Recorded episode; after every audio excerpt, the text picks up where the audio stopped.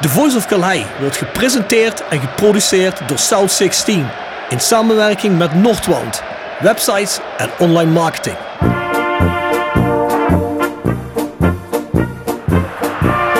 René van de Kerkhof, kom! Het hoofd van Danninga, het is het doelpunt! Het is het hoofd van het is het doelpunt! Het is 1-1 in de 36e minuut. drink dan eerst gezellig een kopje koffie, praat met wat mensen.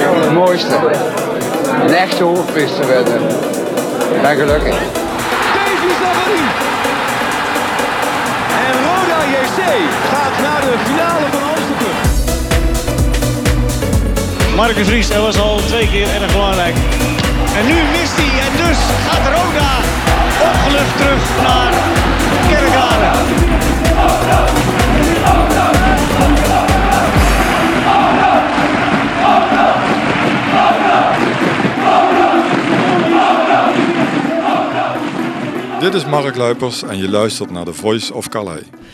Daar zijn we weer, aflevering 6 van The Voice of Calais. Bjorn. Goedemiddag. We zitten een beetje te zweten, hè? Ja, we zouden nog meer zo weten als we achterom zouden zitten bij Engel. Hè? Wat hadden jullie net gemeten? Gevoelde 55 graden, zeiden jullie? Nee. Niet? Een graadje of 31, toch? Ja, warm voor de tijd van het jaar. Wel lekker, maar dat is te veel voor mij. Ik vond het lekkerder zoals in het weekend was. Oh, heerlijk. Beetje wind, niet te veel zon. Allemaal lekker. Ja, we moeten het er maar mee doen, hè? Maar ja, we moesten natuurlijk even samenkomen met onze gast.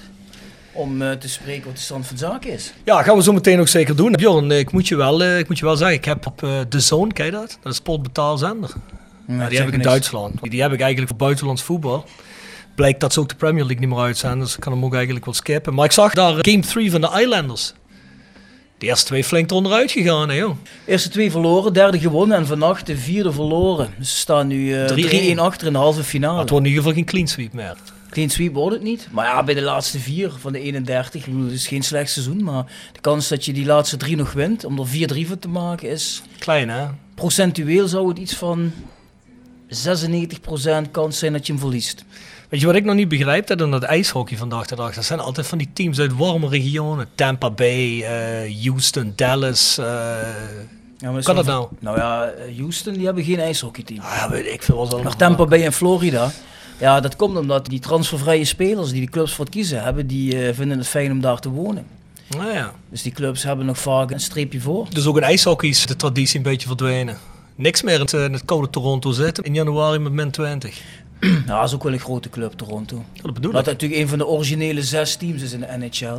Ja, dan ben je wel een aansprekende club met veel supporters. Dat spreekt ook wel aan, maar ja, ik denk die teams waar het mooi weer is, die spreken wel aan. Ja, het blijkt. Nog heel even voordat we de rest afgaan. Ik las van de week ergens dat wij eh, schijnbaar vorig jaar, of hoorde ik dat wij eh, stemmen gekocht hebben op Facebook voor, voor, voor een podcastcompetitie te willen winnen. Dat is niet normaal, hè? Ja, ik geef hem veel onzin geld uit, maar eh daar is ook voordat ik geld uitgeef aan Facebook reclame, voordat ik er een bier van koop, en eh it'll be a cold day in hell, dat weet ik wel. Ja. Ja, Nee, dat is natuurlijk onzin. Dat is toch niet normaal? Misschien een hè? beetje afgunst, denk je niet? Ja, we hebben gewoon een trouwe following. En die mensen hebben erop gestemd. En dat geloven sommige mensen niet. Maar ja, goed, zijn, eh, dat zijn die mensen die in Amsterdam naar die podcast luisteren, denk ik. Ja, dan weet je wel waar je over hebt, hè? Ja, vanuit het land hebben we geen problemen gehad. Alleen vanuit Amsterdam.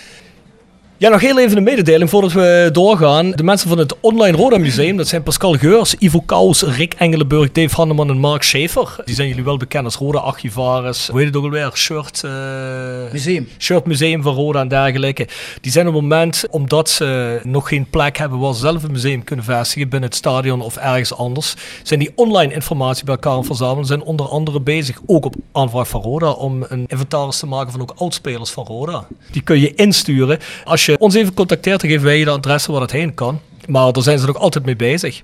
Verder koop je tickets bij tickets.rodec.kerkrade.nl. Dat gaat wel alleen als je al een seizoenskaart hebt gekocht op het moment bij www.rodec.kerkrade.nl slash seizoenskaart. Omdat we door coronamaatregelen slechts mensen in kunnen toelaten die al een seizoenskaart gekocht hebben. De vrije verkoop is eigenlijk op het moment niet actief. Maar ja, goed, dat stadion uh, wordt op die manier natuurlijk wel gevuld. Een mooie oproep op van de, van de mannen van der Koempel, hè? Die uh, met dat statement kwamen online, die mensen opriepen om seizoenskaarten aan te schaffen. Ja. ja, ik zag dat de update bij ticketing al een tijd lang op 3650 staat. Dat moet toch inmiddels hoger zijn, of niet? Het zal inmiddels wel wat hoger zijn, denk ik, ja. Jeffrey, weet je, dat werkt er eigenlijk bij ticketing wel iemand? Of, uh... Ja, wel, er wordt hard gewerkt bij ja? ticketing. Ja, ik ben persoonlijk al twee weken aan het wachten op een seizoenskaart wordt opgestuurd. Dus ja? ja? ik heb geen idee, maar... Nou, hij is, hij is laatst ook een tijdje niet bijgewerkt, maar er was volgens mij Pierre Lonnie op vakantie. Zou dat kunnen, in die twee weken? Ja, dat weet ik niet, maar volgens mij doet Pierre Lonnie niet de ticketing. Hè? Nee, niet de ticketing, maar misschien wel het tellen. Denk je dat met Pierre zo'n telrampje? Met zijn tel Eén, twee. Uh, dat zou best kunnen, dat Pierre Lonnie dat doet, dat weet ik niet. Vers gebrande pinda's. Wordt gepresenteerd door Hotelrestaurant de Veilerhof. Boek een overnachting of ga heerlijk eten in het mooie bergdorpje Veilen. Voor boekingen ga naar www.veilerhof.nl. En Torapi Autodemontage aan de Locht 70. Voor al uw auto-onderdelen en het betere sloopwerk. Al 40 jaar een begrip in Kerkrade. Tevens gesteund door Fandom Merchandising. Jouw ontwerper en leverancier van eigen sjaals, wimpels en andere merchandising. Voor sportclubs, carnavalsverenigingen en bedrijven. Al jarenlang vaste partner van de Rode JC Fanshop. Check onze site voor de mogelijkheden. www.fandom.nl Wil je mooie luchtopnames van je huis, omgeving of bruiloft? Laat mooie droneopnames maken door de gecertificeerde Sky Art Pix dronefotografie uit Simpelveld. Bekijk de site voor de vele mogelijkheden www.dronefotografie-sap.nl Dat is de eerste keer in de geschiedenis van de Voice of Calais, maar er zijn voor twee prijsvragen geen winnaar. De speler die het eerste scoort tegen Top Os, dat had niemand goed. Dat was Marzo. Marzo, dat had niemand geraden. En wie scoort de eerste goal tegen de Graafschap? Ja, Niemand. Dat was moeilijk, hè? Maar er had ook niemand ingestuurd. Niemand scoort. Dus. Maar ik denk dat ik één persoon ga uitloten. Dan mag Fandom dan toch een sjaal heen sturen. Wat vind jij? En hoe ga je dat doen dan? Ah, die ga ik gewoon... Uh... Uit de mensen die een verkeerd antwoord hebben gegeven? Ja, waarom niet? Ja, tuurlijk. Maken we één iemand blij. Verder de volgende prijsvraag. Welke rode speler scoort de eerste goal tegen FC Dordrecht? Hebben jullie weer twee en een halve dag de tijd voor? Ah, eigenlijk wel drie dagen om in te sturen. Dan gaan we toch wel eens scoren. Wat denk jij, Bjorn? Wie gaat die eerste goal scoren? Jordi Kroeks, hè. Jordi Kroeks? Mag Jordi wel meedoen? Ja, Jordi heeft, uh, ja, daar mag ik eigenlijk niks over zeggen, maar doe ik toch. Um, heeft een nieuwe test gedaan en is gewoon uh, negatief getest. Dus het is eigenlijk jammer uh, ja, dat hij er niet bij was van het weekend. Ja, want hij was volgens mij niet eens echt positief getest, hè? Nee, dat weten we nu ook sinds dit weekend, dat je ook zwak positief, dan is er wel iets te zien van een virus. Of dat dan het coronavirus is of wat anders. Dat is een beetje het lastige daarvan. Kijk, Jordi stond vrijdag nog uh, kip lekker op het veld, keihard getraind. En vrijdagavond krijg je dan te horen dat je zwak positief bent. En dan weet je nog niet wat dat is. En dan heb je overleg met de dokter. En die zegt, ja, dat is kansloos om, uh, om, om s'nachts te testen dat je hem ook speelgerechtigd hebt voor de wedstrijd tegen de Graafschap. Maar uh, Jordi heeft privé ook wat meegemaakt met corona, met familielid. Dus dat, dat slaat ja. in bij hem. En dat is het belangrijkste natuurlijk, dat je wil weten van jezelf dat je gezond bent. Dan doet een wedstrijd niet zoveel ertoe. En die, die test heeft hij gedaan. En zondagmiddag belde hij me op van, uh, ja, dat is niks aan de hand. Okay. Hij heeft vandaag gewoon getraind. Dus, uh, nou, betekent dus dat hij vrijdag getergd is, dat hij een wedstrijd heeft moeten missen. Dus dan gaat hij scoren. Je mag het hopen, hè? hij staat in ieder geval één op één voor de wedstrijd hè, met scoren. Dus, uh, ja. ja. Vorig seizoen volgens mij maar twee gescoord. In totaal. Weet ik even ja, volgens mij wel. Zou er ook drie geweest kunnen zijn. Nou ja, goed, in ieder geval is dit een stuk voor op schema van vorig jaar. Nou, wat kun je winnen? Twee keer een bon voor 5 euro voor de Subway in het PLS. En een Wij zijn Roda sjaal, ook gesponsord door Fandom. Stuur je antwoorden in naar de voiceofcalais.south16.com. Browse ook een keer naar shop.south16.com voor Voice of Calais shirts en voor andere South 16 merch. Bjorn. Tip van de week. Gepresenteerd door Jegers Advocaten. Ruist de Berenbroeklaan 12 in Heerlen. Hart voor weinig, nooit chagrijnig. www.jegersadvocaat.nl En Nextdoor Kapsalon, Nagel en Beauty Salon op de locht 44A8 te Kerkrade. Tevens gesteund door Financieel Fit Consultant Als je bedrijf kan met medewerkers die uitvallen als gevolg van financiële problemen. Nooit meer klagen over loonbeslagen. Schrijf naar charles.duurzaambewind.nl Tip van de week, heb je er een? Heb ik een tip? Nee, ik heb geen tip van de week. Want ja, ik moet wel eerlijk zeggen, ik heb hier tien weken achter elkaar Fouda genoemd. Dat jij op een gegeven moment tegen mij zei, ik mocht geen Fouda meer noemen. Maar ik hoorde Ja, dus wel gek, vorige man. week van Mark Schaefer dat hij door mijn eh, vasthoudendheid toch Fouda is gaan kijken. En hij vindt het een prima serie. Ja, ja. dus ik kan alleen maar zeggen, ik ben, ik ben het laatste seizoen, seizoen 4 van Gomorra bezig. Dus ik ben bijna klaar. Daarna kan ik wat nieuws gaan volgen. Oké, mooi. We gaan we kijken. Hè. Nou, ik heb wel een tip. Ik heb gisteren toevallig door Netflix heen gebrald. En ik heb nu, zoals ik al zei, vorige week had ik als... Of ja, dat komt in de toekomst nog. Hè, want dat was eigenlijk bij de, de podcast met Kees Luiks. En die komt er voor twee weken uit. Maar dan had ik een tip en dat was Apache. Het eh, gedramatiseerde verhaal van eh, ehm Carlos Tevez. Ja, dan krijg je opeens allemaal van die Argentijnse, van die Spaanstalige zaken krijg je gesuggereerd. En dat was nu, volgens mij, de Argentijnse sportshow of de Argentijnse studio sport. Van, eh, vanaf de jaren 80, de hoogtepunten daarvan. Ik raad jullie echt ten zeerste aan dat aan te klikken. Ik weet niet meer hoe het programma precies heet. Dat hou je nog te goed, dat ga ik nog een keer noemen. Maar dat is echt te gek alleen al om te zien. Die Argentijnse ploegen die je allemaal kent van naam. Vélez Sarsfield, eh Estudiantes, al die ploegen. River Plate, Boca. Maar dan dat publiek in de jaren 80 en 90. Dan, het is nu nog altijd gek daar. Maar toen, het is echt niet normaal. Als je ziet hoe die mensen naar voren stormen. Ja, dat zou, hier zou dat gewoon een ijzeldrama geweest zijn. Je Met alle respect. je moet toch echt veel tijd hebben als je overdag de Argentijnse sportshow van 1980 tot nu kunt gaan kijken. Nee, nee. Einde van de dag als mijn vriendin naar bed hè, Anders, anders Ja, komt dat helemaal hoe laat gaat hij naar bed? Om 7 uur? Ja, een uur of tien. hè. Ja? Maar dan, Je dan ben ik nog vijf uur wakker, hè, joh. Maar ga je nog met haar samen naar boven? Naar boven, dat is geen naar boven, een appartement, hè, joh.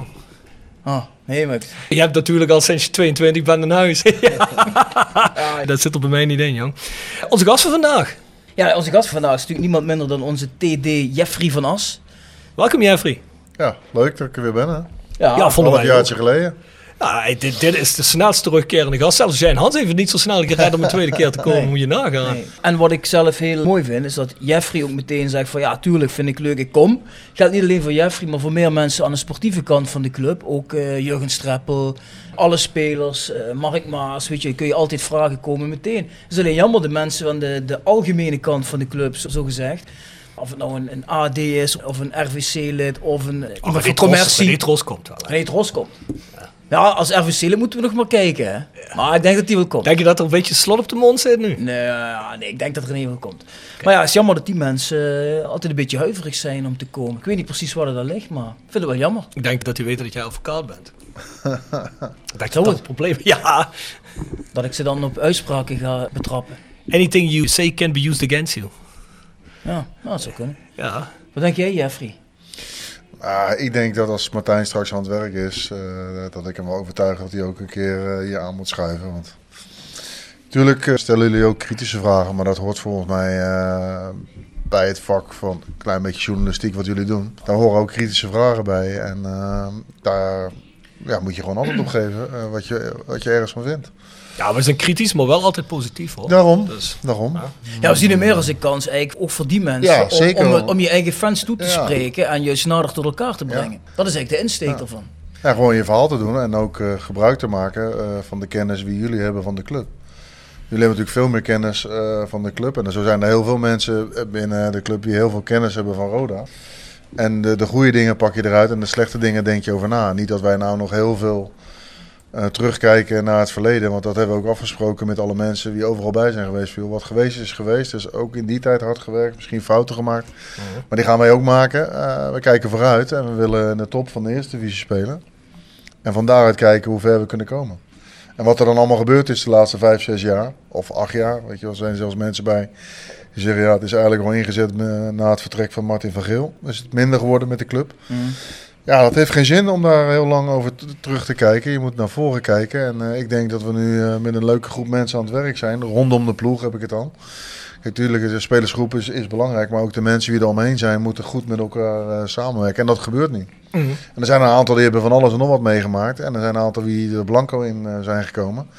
En wij zijn gewoon met nu bezig en niet met uh, wat er twee jaar geleden is ge gebeurd. Ja, mooi. Ja. Goed, laten we ervan uitgaan dat Martijn Westmans, als hij gaat starten, dan ook vrij snel aanschuift. Dan hebben we ook iemand van die kant van de club. Ja. Want ik denk dat mensen ook gewoon graag eens willen stem horen. Ja. Dat is een stukje toenadering. En ik denk dat mensen vanuit de algemene kant zich niet realiseren dat je dat heel snel punten kan scoren bij de aanhang. Ja. Niet dat dat een politiek punt moet zijn, om het zo maar te zeggen, hè, maar dat maakt altijd sympathieker als je een gesprek gaat. Nee, aan de algemene kant is eigenlijk ook bij, uh, als je het goed regelt, ook een commerciële kant. De belangrijkste ja. taak van een algemeen directeur is dat je natuurlijk uh, uh, ja, met name op, op commercieel gebied stappen vooruit gaat maken met jouw commerciële afdeling. En, en natuurlijk horen daar ook nog allerlei andere afdelingen bij.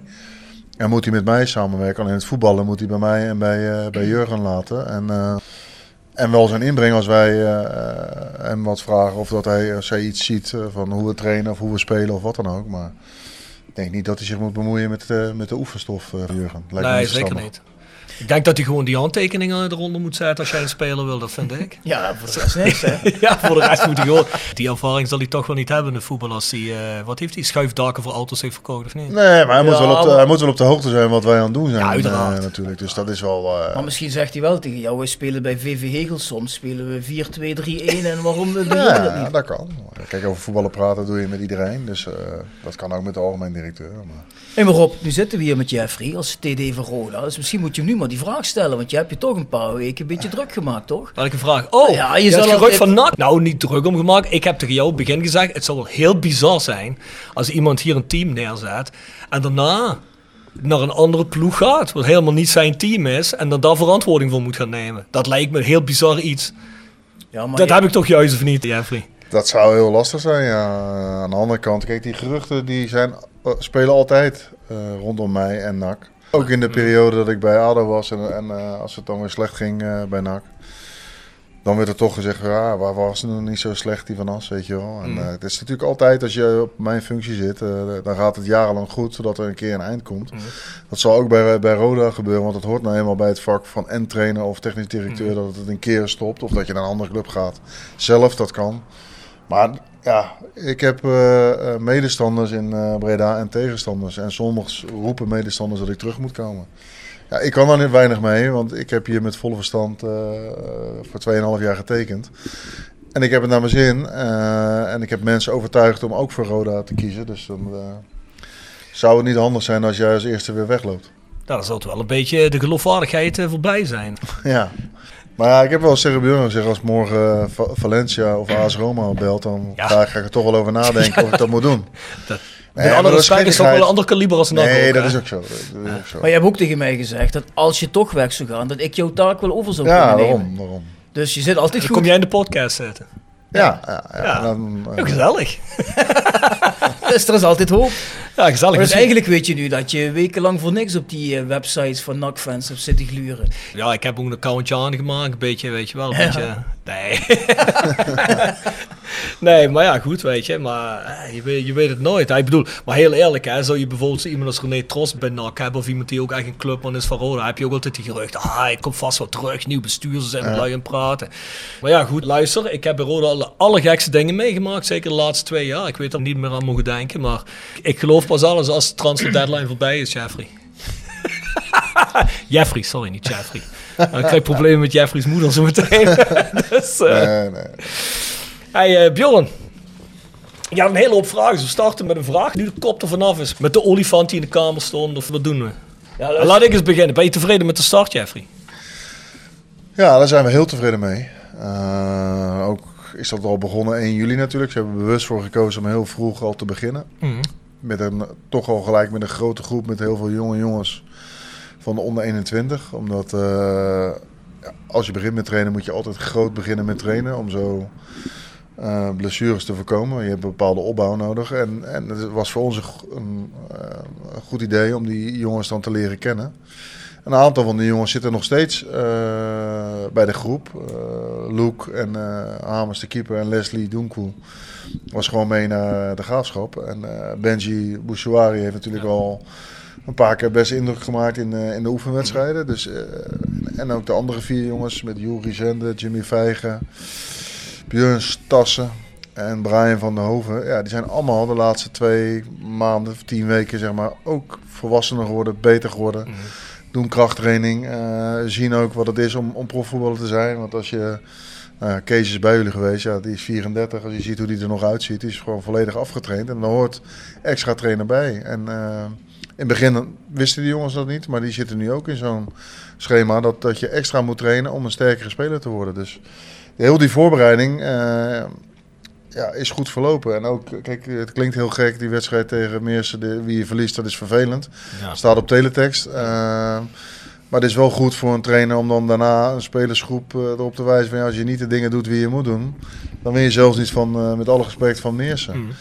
Nou, dan start je goed met twee competitiewedstrijden wie je wint. En dan heb je het idee van, nou ja, oké, we gaan als underdog naar de graafschap.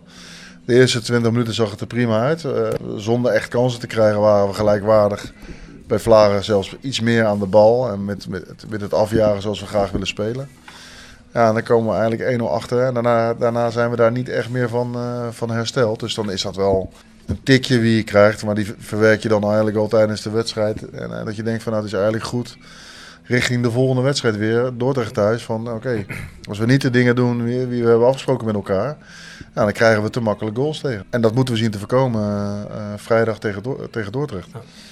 Toch, of niet? Graaf? Nou ja, zij hebben ons gewoon op de juiste momenten pijn gedaan en afgestraft. En dan ja. ja, verlies je met 4-0. Als een liefding, die moet wel opgepakt worden, vind ik. Dat bij die Ja. eerste goal. Die tweede goal kun je niet veel aan doen, maar die eerste goal, oef. Ja. Dan moet toch eigenlijk, wie moet hem oppakken? Uh, Ja, dus het, of, of, of het begint eigenlijk al met dat we heel onnodig natuurlijk de bal in de voeten spelen van Liefdink. Ja, Eh, we, we bouwen op van achteruit, dat willen we graag. Alleen als je dan, eh, dan niet goed weet, dat kan een keer als verdediger, dan moet je in ieder geval achter de verdediging van de tegenstander leggen. Ik zag wel dat we in de problemen kwamen een paar keer, maar dat heb ik ook al bij die vorige wedstrijd gezien. Omdat je van achter wil opbouwen, dan wordt Kees Luiks al ingespeeld in de 16 meter door de keeper. Ja. En dan zie ik als de tegenstander heel snel druk begint te zetten, dat ze toch heel snel nerveus worden. Dat die opbouw dan heel snel leidt tot balverlies. Ja, dat moet beter. Kijk, dat is wat Ja. we heel veel trainen. En dat- gaat op trainingen ook beter Mhm. eh, dan in de wedstrijden tot nu toe. Maar dat is vaak. Hè. Dat- Dat trainingen over het algemeen zonder spanning eh, be- beter lopen. Is er dan wel iemand die eens echt druk zet op die verdedigers als ze van achteruit worden opgebouwd op die Zeker. trainingen? Zeker. Of moet Zeker. Bjorn even langskomen? Die kan heel Nee, goed. nee, het niveau op de Zet ook training, altijd druk vroeger. het niveau op de trainingen is, is prima. Dat gaat langzaam komen. Kijk, de manier van spelen, daar zijn we nu tien weken mee bezig. Dus daar moeten jongens ook eh, aan wennen. En je hebt altijd met een tegenstander te maken wie je ook eh, op bepaalde manieren eh, pijn wil doen. En ja, we schieten onszelf een beetje in de voet eh, afgelopen zaterdag door eh, te slordig te zijn in de opbouw. En dan eh, krijg je te makkelijk goals tegen. En had je dat zien aankomen? Want wij hadden het er van tevoren nog over. In de aanloop naar deze wedstrijd hadden toch een hele hoop supporters iets van... Nou ja, poeh, ik denk dat de graafschap het toch heel zwaar met ons krijgt. Nou ja, met dat gevoel zijn we ook in de, in de bus gestapt. Het was alleen de dag of de avond eh, daarvoor gewoon iets onrustiger als bij de andere wedstrijden. Want ja, eh, tegenwoordig eh, heb je ook heel veel overleg met de dokter en moet je afwachten wat de uitslagen van de coronatesten. En dat, dat, dat liet vrijdag wat langer op zich wachten. met uiteindelijk de mededeling dat een paar zwak positief, een paar andere personeelsleden positief getest. Dat brengt toch wel wat onrust en dat is geen... verschuilen dat we daardoor verloren hebben. Maar het is een onrustigere voorbereiding geweest dan in die andere eh, wedstrijden allemaal. Dus ook de oefenwedstrijden bedoel ik daarmee. Mhm. Ja, dat mag niet de reden zijn dat je daar met 4-0 verliest. Kijk, eh, wat ik zeg, de eerste 20 minuten zat ik gewoon rustig op mijn stoel. En zag ik het Roda van wat, ja, probeerde een tegenstander onder druk te zetten op eigen helft. Ja, dat deze ploeg, de tegenstander, sterker is dan de ploeg waar we tegen hebben, dat zag je ook wel. Met name fysiek. Eh, alleen wa- wat het meeste tegenviel, eh, vond ik dat je na, ja, na de 1-0 achterstand eigenlijk niet echt meer terug bent geweest eh, in de wedstrijd. En Nee. dat is zonde. Kijk, 1-0 achter en 2-0 achter, dat kan nog steeds gewoon een wedstrijd zijn als je een doelpunt maakt. Dan kan de paniek ook weer bij een tegenstander komen. Kijk, bij 3-0 is het over. Mhm. Dan weet je, is een verloren wedstrijd. En dan hoop je dat het niet een te grote uitslag wordt. Maar dat is wel de grootste teleurstelling. En ja, je moet toch als ploeg zijn het beter omgaan met een tegenslag. Het positieve vond ik, je wordt niet weggespeeld daar. Nee. Een 4-0 suggereert bijna je wordt weggespeeld. Nee, maar dat is niet Dat zo. word je helemaal niet. Je kunt geen vuist maken voorin. Dat Nee. klopt. Ik had geen enkel moment van de wedstrijd het gevoel, oké, we gaan hier een goal maken. Nee. Jammer genoeg. Maar je wordt niet weggespeeld. Dat vind ik het positieve ervan. Wat missen wij nog om op het niveau van de graafschap te komen? Ja, die zijn toch wel wat slimmer. Uh, als je ziet hoeveel jongens bij ons op de grond hebben gelegen en hoeveel jongens er van uh, de gras op de grond. Ik zeg niet dat je moet schoppen en moet slaan en weet ik het wat, maar er zijn toch wel wat slimme overtredingen gemaakt door uh, de graafschap. En die hebben ook wel wat iets meer fysiek dan, dan dat wij hebben, maar ook wel ja, wat, wat ratten in, in de ploeg. En, wat die Opoku deed bij, uh, bij Juanu bedoel je, met de schoudertje? Ja, bijvoorbeeld. En ja. Seuntjes uh, is, is, ja, zo'n speler is dat. Is de hele wedstrijd aan het, uh, aan bakkeleien ja. geweest. En, en bij ons zijn het over het algemeen brave jongens en wie hard werken. Maar je zal toch af en toe ook slim gemeen moeten zijn. En, maar ja, dat is ook iets waar we naartoe moeten groeien. Ik denk dat we over een maand of twee maanden nog beter partij kunnen geven aan, uh, mm. aan, aan de echt goede ploegen in, in de keukenkampioen. Dat is een proces natuurlijk. Ja. Ik neem even een vraag mee van luisteraar Fons van Kleef. Die zegt te beginnen credits voor de samenstelling van de selectie. Die steek je toch weer even in de zak. En vind je de groep sterk genoeg om te kunnen promoveren? Nou, ik vind hem sterk genoeg om uh, in ieder geval aan de play-offs mee te doen. En als je de play-offs uh, meedoet, dan kan je de play-offs ook winnen. En uh, de verschillen, denk ik, met de Eredivisie, de onderkant de Eredivisie, is niet meer zo groot. En eh, wat, je, wat je ook weet van de play-offs is dat, dat de druk volledig bij een Eredivisieploeg ligt. Want daar is de spanning het grootste. Als je degradeert als club zijn, is de pijn enorm. Want dat betekent toch mensen eruit, budgetten naar beneden. Als wij de play-offs halen, dan denk ik ja, dat we het goed gedaan hebben. Alleen wij willen uh, ook leuk voetbal spelen en zo hoog mogelijk eindigen. Dus ja, tuurlijk ben je met play-offs bezig. Maar je wil gewoon uh, daar blijven staan waar je nu staat. En het liefste uh, hoger. Dus uh, we willen vrijdag winnen. dus we willen vijf of hoger. En dan kijk, je, dan kijk je naar de wedstrijd waar je staat. En als je dan derde of vierde staat, wil je daar blijven staan. Of althans, nee, ik wel. Nee, precies. Want je hoorde bijvoorbeeld Fabian Serrarens. Die zei ook bij zijn presentatie van... Ja, we moeten natuurlijk play-offs halen. Maar eigenlijk wil ik wel wat meer. Ja, maar je moet niet vergeten dat we aan het inhalen zijn op heel veel clubs. Uh, Cambuur, uh, de Graafschap NAC, dat zijn de drie favorieten in mijn ogen. Uh, en daarachter komt NEC, Excelsior, Volendam, Almere en wij natuurlijk ook. En je hebt altijd wel een, een ploeg wie, wie verrast. Ik, ik, dacht eigenlijk gisteravond van nou, Telstar wint van MVV en staat dan bovenaan. Dat is dan de verrassing in het begin zeg maar, van de eerste mm. drie wedstrijden. Ja, en die verliezen dan uh, op een ongelukkige manier. Maar dat kan wel. Je hoeft niet altijd de betere ploeg te zijn om, uh, om, te, om te winnen. Je kan ook wel eens een keer minder spelen en toch gniepig ergens met de punten wegglippen. Uh, dat ja. zullen wij ook ergens een keer moeten doen. Het liefste dan tegen een ploeg waarvan iedereen zegt van nou, die zijn sterk. Maar dat moeten we een keer doen. Kijk, het liefste winnen wij ook met dominant voetbal. Maar een keer smerig ergens met 0-1 winnen is, is wat mij betreft uh, akkoord.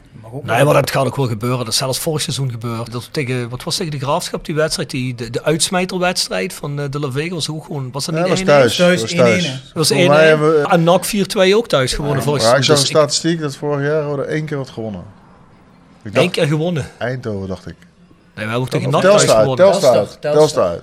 Al uit één keer al gewonnen. Ja, ja oké, okay, ja. dat zou kunnen. Ja. ja Hebben we Telstar uit gewonnen? Ik ben ook een keer bij Telstar geweest. Volgens twee seizoenen geleden. We gewoon vier of vijf 0 eronder uitgingen, jongen. Kijk, dit zijn de standaardkreten. Wij kijken van wedstrijd tot wedstrijd waar we staan. En, en, zo moet je ook doen. En nu is het Dordrecht en iedereen rekent zich alweer rijk. Zoals we dat ook van tevoren zeiden van uh, Top Os, die, uh, die mag je niet verliezen. Maar je moet altijd respect hebben voor je, voor je tegenstanders. En dat hebben wij ook. En dat mis je nog wel eens in. Maar weet je wat het wel een kerkraad is? Als je de eerste twee wedstrijden wint, dan is het meteen alweer. Dan zijn we ook heel goed in. Om dat meteen te zeggen, oh, nu kunnen we ook promoveren. Terwijl het eigenlijk nog realistisch gezien helemaal geen reden is dat te zeggen natuurlijk. Maar het is wel mooi dat mensen enthousiast worden natuurlijk. Hopelijk vertaalt zich dat ook in meer seizoenskaarten. Ja, maar ja, toch, ja, toch blijf ik erbij. Ik, ik, op een gegeven moment, hè, je leeft op een roze wolk. In één week had je dan eerst Absalem en kort daarna Jensen. En toen Serarens en, en Valkenburg ja, dat doet toch iets met je als supporter. En als ik dan ging kijken naar die selectie van Cambuur en, en de Graafschap, dacht ik van ja, is die eerste elf die wij dadelijk kunnen opstellen, is het nou zoveel minder dan die clubs? Op nou, papier, op papier, op papier niet, maar die clubs die spelen al langer in die formaties. Precies. En wij, dat moet ja. helemaal nog goed vallen. En wij zijn ervan overtuigd dat we dat voor elkaar krijgen met, uh, met deze jongens. Uh, maar ja, het is nog niet realistisch dat we nu zeggen van joh, we gaan vanaf dag één bovenaan staan. Nee, we willen zo hoog mogelijk staan. En uh, ja, we hebben een tikje op de neus gehad. Ja, dan moet je van op uh, met je hoofd schudden en opstaan. En, dan weer, en, dan weer door. en nu betekent dat uh, ja, ja, vol gas vooruit tegen, tegen Dordrecht. en winnen. En dan komen we bij een hele belangrijke vraag. De vraag van Matthijs Marel, hè, die kennen we wel, onze goede vriend. Maar ook onder andere van eh, Casey. Casey Luiks. Tikje terug. Gepresenteerd door Van Ooyen Glashandel. Sinds 1937 vervangen en repareren wij al uw glas met veel passie en toewijding. Met 24 uur service. www.vanooyen.com En Quick Consulting. Laat finance waarde toevoegen aan je organisatie. We komen graag met je in gesprek om aan de hand van concrete voorbeelden duidelijk te maken hoe we dit ook binnen jouw onderneming kunnen realiseren. Think win-win, think quick. www.quickconsulting.nl Tevens gesteund door Roda Arctic Front.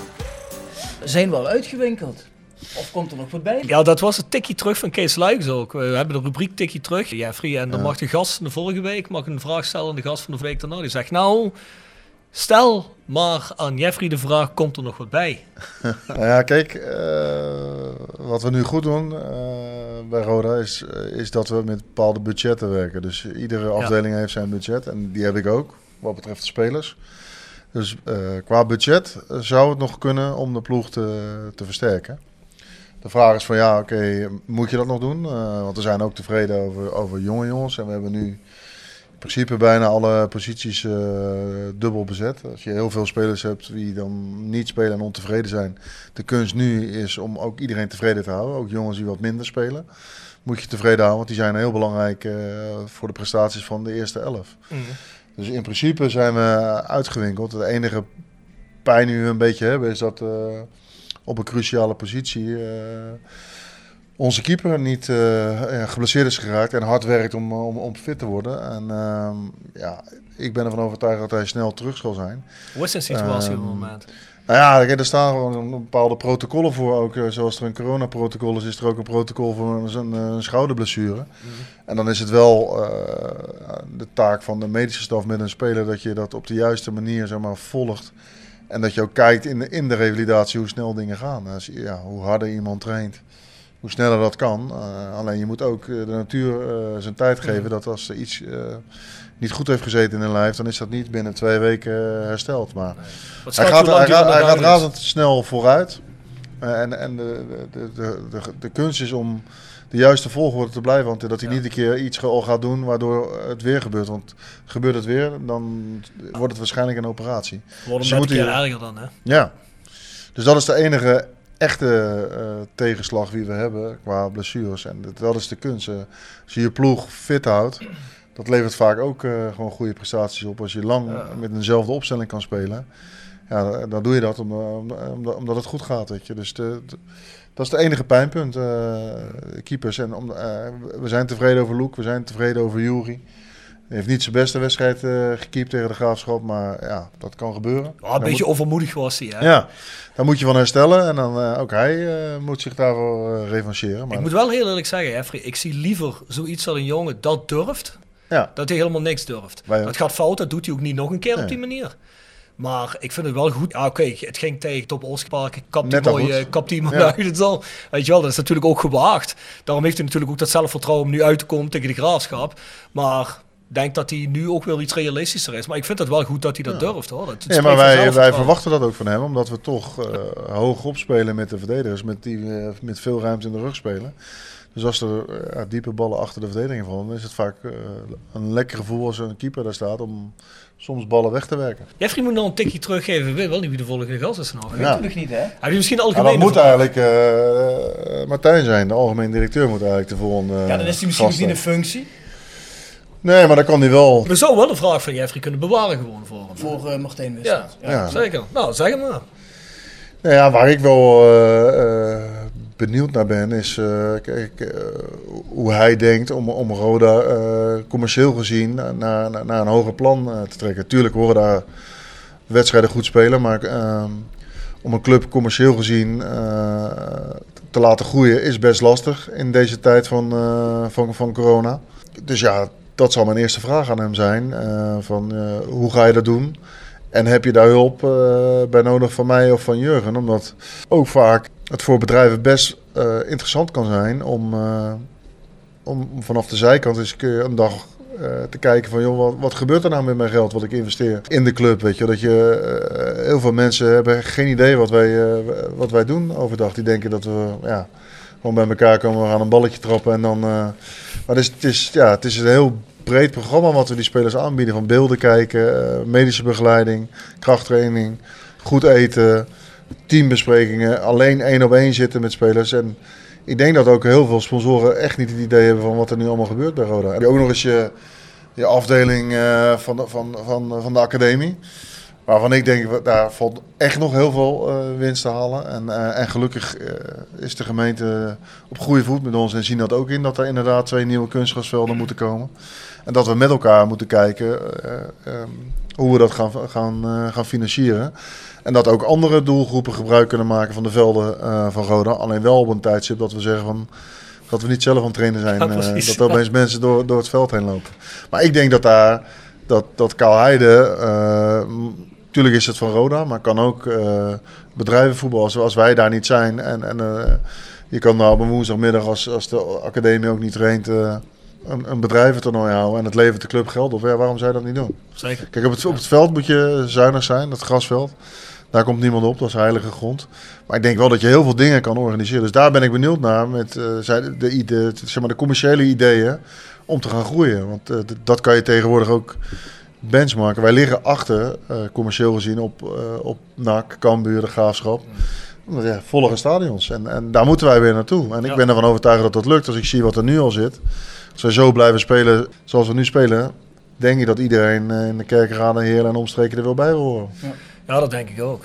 Ja, goede vraag. Als Jeffrey dan ook nog voor ons regelt dat Martijn eh, contact met ons opneemt, of dat wij contact met hem kunnen opnemen, kunnen we hem uitnodigen. En dan kunnen we die vraag stellen. Ja, ik, ik zou hem in ieder geval zeggen van, eh, ja, dat het leuk is om hier te zijn. En Je niet bang te zijn. Kritisch, nee, je hoeft zeker niet bang te zijn. Kritische vragen horen er ook bij. En ja, het is denk ik juist goed om, eh, om bepaalde vragen te krijgen van mensen die eh, al langer bij de club betrokken zijn. Zo is dat. Dat is wijsheid. Wat denk jij, Bjorn? Wijze teksten voor Jeffrey van As. Want Ja. daarom krijgt hij ook alle complimenten van ons natuurlijk. Ja, ja zeker. Zeker. mag hij ook een tweede keer terugkomen. Ja, ja, ja. Ja, ja, ja. Misschien zelfs een derde keer. Jazeker. Tussenbalans in de winterstop. Ja, bijvoorbeeld. Zeker. Hebben we een winterstop dit seizoen eigenlijk? Of, Heel eh, kort. We spelen volgens mij, ik dacht de 16 of 18 december. En dan is het 4 januari weer. Dus ik denk dat je even met kerst een paar dagen vrij bent. Maar tussen kerst en nieuwjaar zullen wij alweer gewoon volle bak trainen. Oh, is dat goed? Lekker. Ja, Doen het, wordt allemaal gepropt in een kleine periode. Ik ben natuurlijk later begonnen. En eh, ook wij zullen op tijd klaar moeten zijn. Voor mij is de laatste playoff wedstrijd 23 mei. Nou, hopen we dat we tegen die ja. tijd gepromoveerd zijn. Hè? 24 mei eh, promotiepodcast met Jeffrey. Ja, daar gaan we wel vanuit, ja. Maar ik weet wel niet hoe nuchter ik dan ben op dat moment. Maar dat komt wel goed. niet uit. Jeffrey, op de Jeffrey je dronk op wijn en ik bier. En ja, jij, eh, wat doe jij? Waterpijp. Barcootje pakken met een Wa- wa- waterpijp. waterpijp en snuiven. Ja. Van. En een, en, een, en een lijntje kook.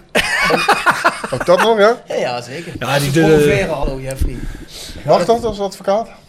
Of maak je dat zelf uit? Moet, moet, ik, moet, ik, moet ik dit eruit snijden, Bjorn? Ja, ik denk dat de orde van advocaten dat niet goed vindt. Dus eh, knip maar eruit. Ja, Oké, is, is goed, is goed. Section Frietenboot. Gepresenteerd door Herberg de Bernardeshoeve. Weekendje weg in eigen streek? Boek een appartementje en ga heerlijk eten met fantastisch uitzicht in het prachtige Mingersborg bij Marco van Hoogdalem en zijn vrouw Danny. www.bernardeshoeve.nl En Stokgrondverzet uit Simpelveld. Voor al uw graafwerk, van klein tot groot. Onze gravels staan voor u klaar. Tevens worden we gesteund door Wiert's Personeelsdiensten. Ben je op zoek naar versterking van je personeel? Contacteer dan Wiert's Personeelsdiensten in het PLS en vraag naar Mark of Sean. www.wierts.com Zou Jeffrey wel eens bij de frituren komen? oh, nee, ik ben niet, het zo, wel. ben niet zo'n frietenman. Nee? Ja, ik ben wel een stuk zwaarder geworden. Maar het is meer van... eh, ik ben nog wel een liefhebber van wijn. Lekker. Eh, en van lekker eten. En anders eten dan eh, het eten eh, wat je als, als, als, als voetballer deed. En eh, op het moment... toen- Weet we alles vanaf al. Toen ik, toen ik vroeger speelde en in de, vakantietijd, weet je, dan zei ze altijd, je moet twee weken eh, niks doen, want je lichaam heeft rust nodig. En ging ik vaak met jongens met wie ik speelde eh, op vakantie, weet ik het wat. En ik kwam toen al 5, 6 kilo aan en die gasten kwamen niks aan. En dus het is ook wel een beetje, denk ik, hoop ik maar, een beetje aangeboren bij mij. ik probeer nu veel te fietsen en af en toe wat te sporten. En we eten gezond op de club, dus ja. Maar bij, de frieten, bij de frietenboer kom ik niet zo heel veel. Maar, van lekker, wel favoriete snack? van lekker, van Favoriete lekker, ja, kaassoufflé vind ik wel lekker. Oh, kaassouffleetje. Kaassouffleetje. Wie had dat ook? Kees? Kees. Kees had ook een Ja, ja, ja, ja. Weet je waar eh Jeffrey niet van houdt? Vond ik wel een beetje teleurstellend. Dat weet ik niet. Bier. Een waterpijpje. Nee. Nee, dat vind ik ook Ik verschrikkelijk. die Jeffrey. foto's van hem en denk ik van man, man, man. Heerlijk man, even een waterpijpje Slecht. op het strand. Nee, dat vind ik ook niks. Slecht voorbeeld voor je kinderen, denk ik dan altijd. Ja, maar dan heb je ook zonder waterpijp wel gelijk. Nee, dat is, nee maar iedereen moet doen wat hij moet doen. Ik, eh, ik veroordeel hem daar niet op, maar het, is, het past niet bij mij. Nee, ook geen bier? Nee. Toen ik in 92 in Limburg kwam, toen had ik nog nooit alcohol gedronken. Toen kwam ik eh, bij iemand, eh, ging ik in een hotel wonen. Die vroeg mij, wat wil je drinken? Ja, doe maar. Spa citroen had je toen. Ja. Dus ik keek daar heel vreemd aan. Spa citroen? Eh, zo, eh, neem een biertje. Of een wijntje, want dat doen we hier in Limburg. Ja, ik ken het niet. Maar die, die heeft me wel geleerd, zeg maar, om, eh, om wijn te leren drinken al tijdens mijn carrière. En ja, Wel eens bij die Sint Martinus geweest hier achterom. Bij het wijngoed. nee. Je hebt zelfs gedecoreerde wijn. Ja? Ja, dat ligt hier achterom de bos. Ja, ik heb er weinig verstand, buiten van wijn drinken heb ik er weinig verstand van. Ik proef het gewoon en dan zeg ik van... Dat is een goede ik, lekker vind, ik vind het lekker of vind het minder lekker, maar ook als ze minder Ja. lekker zijn, drink ik hem toch op. Ja. oh, dat doen mijn vriendin ook altijd. Die kiest altijd wijn uit en dan kijkt ze naar het etiket en dan zegt ze... Oh, kijk, eh, er staat een tackle op. Laten we deze nemen. Ik zeg, eh, je bent helemaal wijs, jij. dat gaan we echt niet doen. Hey Bjorn, ik zag een discussie tussen jou en Jimmy Leenders. Ken je ook wel Jimmy. Leenders, hè? op Twitter. Ja. En dan zei Jimmy Leenders, ja, een goede vraag zou zijn voor Jeffrey. Leuk dat al die nieuwe spelers komen. Wat betekent dat nou voor de jeugdspelers of voor de jongere spelers? Spelers uit eigen kweek, zoals Mart Reemans, Nicky Soeren. Die vraag heeft hij mij ook gesteld. En eh, toen zei ik gelijk van, joh, ben je op zoek naar een zuur verhaal over eh. Roda? Kijk, eh, tuurlijk zijn die jongens ook belangrijk. Alleen de lat is omhoog gegaan. En, en, en hebben we ook tegen de jongens gezegd toen ze bijtekenden. Van ja, de, concurrentie die je nu krijgt, die is van een eh, hoger niveau dan de afgelopen jaren. Dus je moet goed luisteren naar wa- wat de trainers je, je aanbieden op de training. En je moet je, je, je directe concurrent eh, pijn gaan doen op trainingen. Niet letterlijk door hem eh, uit de training te schoppen. Maar je krijgt gewoon een betere concurrent. Dus ja, dat die jongens dan nu niet in de basis staan. Ja, dat betekent dus dat wij ze nog niet goed genoeg vinden om in de basis te zetten. Hebben we wel Alleen- iedere week minuten gekregen, toch? Ja, daarom. daarom. Ja, ja, En, eh, ze trainen goed, ze zijn volop gemotiveerd. Eh, als Mart invalt en eh Nicky invalt, dan gebeurt er wat eh, op het veld. Dus niet eh, en bij eh, Ajax uit en thuis tegen... Maar het viel me vooral bij Jong Ajax op. Ja. Kwam, kwam er meteen, Ja. goed afgejaagd, Ja. goed druk gezet. Je ziet wel eens bij Ja. clubs dat mensen invallen dat je denkt van nou, die heeft er echt geen zin in. Nou ja, dat gedrag accepteren we sowieso niet als mensen op die manier invallen. En eh, ja, we maken ze ook belangrijk. Eh, iedere speler die op de, eh, op de bank zit is belangrijk. Natuurlijk willen die jongens graag in de basis. Maar ze weten wat ze daarvoor moeten doen. Dus ik ben het niet met Jimmy eens dat dat ten koste gaat. Sterker nog, we laten juist heel veel jonge spelers meetrainen en meespelen. En Luke Hamers heeft al zijn, zijn debuut gemaakt. Ik vind het ook goed dat Jurgen dat ook doet, dat die jongens toch nog de laatste 10 minuten, want het biedt perspectief. Ja, zeker. Want dat deed de Jong vorig jaar bijvoorbeeld helemaal niet. Volgens mij heeft Marten Reemans 20 wedstrijden lang niet Nee. binnen de lijnen gestaan of zo. En die jongen die bleef er wel bij. Ja. En dan krijg je zoiets dat je inderdaad gaat denken van ja, moet ik hier mijn toekomst vervolgen? Ja. Ja. dat kan ik me voorstellen, want dan is Ja, er helemaal die, geen perspectief. die jongens hè. werken keihard op de training, dus die verdienen dat ook om, eh, om in te vallen. En er gebeurt wat eh, als ze invallen. En daar, daardoor breng je spelers in. Eh, Er moet wat veranderen als spelers erin komen. En dat is al de wedstrijden gebeurd. Ik moet trouwens, en dat heb ik net al gezegd tegen jullie, ik moet echt mijn complimenten geven aan Jurgen Streppel. Ook de postwedstrijd, dus na de wedstrijd, de interviews met Fox. Vind ik echt goed. En er komt alleen maar zinnigs uit. Dat heb ik gezegd in die podcast met Kees Luiks. Ik, ik zat tegen Ajax te kijken en ik was voor mezelf, dus ik bedacht, oh, verdomme, op het laatste, dat wordt helemaal niet meer zo druk gezet. Wordt die, die, die pressie die we voetballen, dat wordt niet meer gedaan. En, en dan na de wedstrijd zegt hij precies die dingen. Dan denk ik Ja. dus, niet dat ik dat zo goed kan analyseren, nogmaals. Maar dan denk ik, ja, inderdaad, weet je wel. Het is geen trainer die zegt van, ja, we zijn er gewoon nog niet en we zitten in een proces. Dat zegt hij ook wel, maar hij geeft er veel meer, moet ik zeggen, onderbouwt dat veel meer met, met realistische zaken. Van ik denk, ja, dat makes sense. Je kunt je ermee vereenzelvigen. Je, Ja, je denkt van ja, dat kan ik volgen, dat heb ik zelf ook eh, kunnen zien. Ja, precies. En Jean-Paul geen, de Jong dank je van, ik, ik heb in een ander stadion gezeten. Ja. Dat gevoel bedoel en Jean-Paul de Jong zei ook op het einde altijd, ja, maar we zijn nog niet klaar met het proces. Dat zei hij bij wedstrijd 24 ook. Dat zei hij nog toen hij de koffers had gepakt. Ja, toen, maar hij was ook nog niet klaar met het proces, denk ik. Moet ik zeggen, ja, dat is sinds jaren weer een trainer waar je denkt van ja, dit, eh, dit is ook gewoon een, eh, Ja, iemand die zeker. echt voor de club echt een, ja, een, een boegbeeld is. Ja, Dat vind ik goed. Ja, hij geeft gewoon een normaal antwoord op ja. vragen. Zo kijk ik ernaar. Ja, maar kijk, dat, dat vinden we ook mooi hier in Kerkrade. gewoon gewoon normaal iemand. Ja. hey, uh, Jeffrey, hoe kijk jij terug op de afgelopen week en het samenstellen van de selectie? Is dat makkelijk gegaan of moeilijk gegaan? Nee, dat is best wel lastig gegaan. Er, gaan, uh, er zijn ook ja, dingen mislukt of er nemen dingen lange uh, tijd in beslag. Ik bedoel, Jurgen en ik hebben allebei uh, met Erik Valkenburg uh, gewerkt. Dus die hebben we al veel langer geleden benaderd. Toen was hij nog met zijn hoofd te veel bij, bij ADO. En dat hij dacht van ik ga daar een eerlijke kans krijgen en ik wil in de Eredivisie blijven. En natuurlijk, als ik, ik ben bij de club, Jurgen is bij de club. En er komen wat spelers en je ziet in het land de mening over de club veranderen. Maar toch uh, had je in het begin nog dat mensen zeiden ja, ja, we het eerst zien, weet je wel. Je kan wel zeggen een nieuwe groep, een nieuwe start. En hoe vaak hebben we dat niet gehoord bij Roda? En je moet mensen toch ook overtuigen om, uh, om te gaan verhuizen. Kijk, uh, Amir is heel blij dat hij in, in Heerlen gaan wonen. Maar er zijn ook spelers bij die verhuizen toch wat lastiger vinden richting het zuiden. Want die hebben dan met een vriendinnetje te maken. Of opa of oma of moeder gaat ze missen. Ja, dat hoort er ook bij. Als je uh, in het westen van het land of in het noorden van het land woont en je gaat bij Roda spelen, ja, moet je daar gaan wonen. Klaar.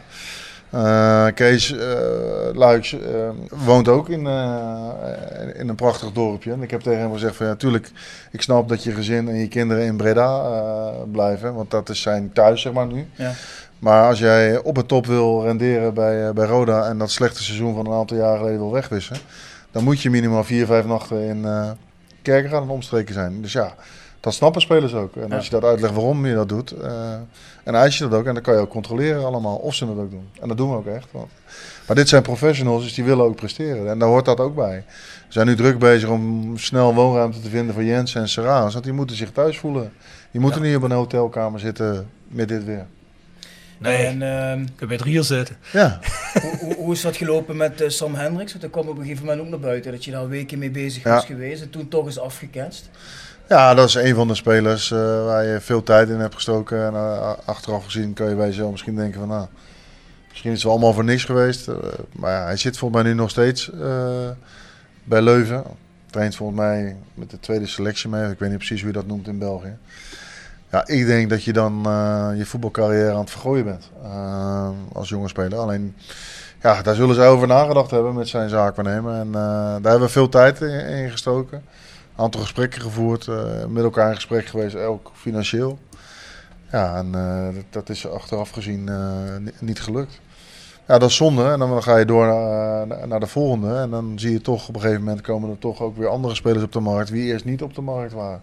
Serraas was eerst de bedoeling dat hij zou blijven in Polen. En opeens is hij op de markt. Ja, en, en dat is misschien nog wel meer type spits wat bij Roda past door zijn lengte en, en zijn fysiek en zijn temperament. En dat moeten we wel af en toe goed onderdrukken, want je wil hem eigenlijk wel iedere wedstrijd opstellen. En uh, als je een bepaald temperament hebt, kan je nog wel eens tegen een kaart oplopen. Dat temperament hadden Jurgen en ik ook als speler, dus dat kunnen we proberen een beetje bij hem te tempen. Niet ik helemaal. wel weer op een beetje temperament. nee, dat hoort er wel bij, maar je moet wel altijd inzetbaar zijn. Je kan best een keer tegen een kaart lopen, maar een domme rode kaart, dat is, uh, daar zitten wij niet uh, op te wachten. Dus uiteindelijk, ja, is de laatste week eigenlijk, de, de, de laatste anderhalve week eigenlijk de mooiste week geweest qua, ja. qua uh, spelers. Wie, ja, Absalem is toch, natuurlijk dus geen basisspeler van Groningen, maar heeft eredivisiewedstrijden. En er zullen ook mensen zeggen, ja bij Almere mislukt. Maar het is toch iemand die volledig in training is geweest en zo up, ja, inpast. Lekkere wedstrijd tegen Topos. Ja, was prima. Was prima. Ja, en uh, Valkenburg is topfit. Uh, nou, Fabian moet van verder komen. Uh, Richard is, is redelijk fit. Hij heeft in Finland met een, een tweede divisieclub ook getraind. Buiten voor zichzelf getraind. Nou, en ook bij hem, ook, ook, bij hem, ja zeker. Ook bij hem kijken we niet terug naar het verleden. Want dan kan je zeggen, ja, veel geblesseerd geweest, hadden we niet moeten doen. Wij willen Richard op, op, op het niveau brengen dat hij weer in aanmerking komt voor de Finse nationale ploeg. Dat wil hij zelf ook. En dat kan alleen maar door goed te spelen bij Roda. Ja. En eh, kijk, als jij goed speelt bij Roda, komt dat, die, die nationale ploeg komt ook dichterbij. En ik heb hem wel verteld van, joh luister, we hebben een jongen van Genk gehaald.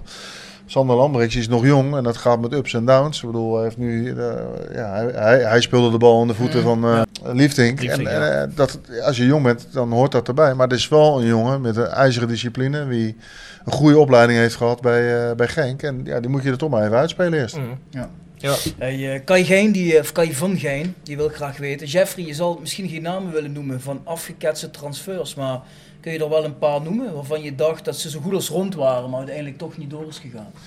Nou Sam Hendricks is daar wel eh, de belangrijkste in. Eh, daar hadden we echt wel op ingezet, omdat wij, denken van oké, je moet ook naar spelers af en toe kijken wie het ergens niet goed hebben gedaan. En hij heeft het niet goed gedaan in België doordat hij een, eh, een hele vervelende blessure heeft gehad. Daar is hij volledig van hersteld. Dan laat hij zich verhuren aan, aan Cambuur en dan komt corona. Ik denk dat eh, als jij in, eh, in het elftal speelt van, van Roda nu, met de manier waarop we spelen, dat het een feest is voor een spits om in zo'n elftal te spelen. Omdat wij aanvallend voetbal eh, spelen. Wij zijn geen counterploeg, we gaan niet op eigen helft liggen. Dat je heel veel moet verdedigen. Tuurlijk hoort verdedigen erbij en een tegenstander onder druk zetten. Maar ik denk dat het voor een spits fijn is om in een elftal te spelen. Van Jurgen Streppel, die eh, op de aanval, en het benadrukt om op de aanval te spelen. Dan krijg je iedere wedstrijd mogelijkheden om te scoren. Ja. En ja, spitsen die goals maken in de keukenkampioen. Die gaan of met die club eh, een stap hoger, of er komt interesse van andere clubs. Dus Kun je er misschien voor de lol nog eentje noemen? Of had je gedacht dat ah, dat gaat wel rondkomen? Dat je uiteindelijk teleurgesteld was dat het niet doorging? Mm, ja, kijk, we zijn ook met een, eh, met een andere linksback eh, bezig geweest. En achteraf gezien denk ik van, ja, misschien is het wel goed dat dat mi- mislukt is. Maar om daar een naam eh, bij te noemen, dat had ook wel een speler geweest die bij ons past. Dus je bent altijd wel uh, teleurgesteld als dingen niet lukken. We, zijn ook, noemen. Hallo. Ja, ja. in het contract dat je Nee, maar dat, dat heeft weinig zin. Kijk, we zijn met een aantal keepers ook bezig geweest. En die geruchten over Brondeel, dat is waar. Ik dacht dat hij zou, zou komen. Eh, daar heeft hij niet voor gekozen. Ehm, Jan is een uitstekende optie. Ook nu die geblesseerd is, zeg ik dat nog steeds. Het enige nadeel is dat, dat, je, dat hij niet van jezelf is, maar dat hij altijd van, Mm. eh, van, van Groningen is. En bij Brondeel was het echt overnemen van Twente. En dan hadden we een keeper voor eh, twee jaar.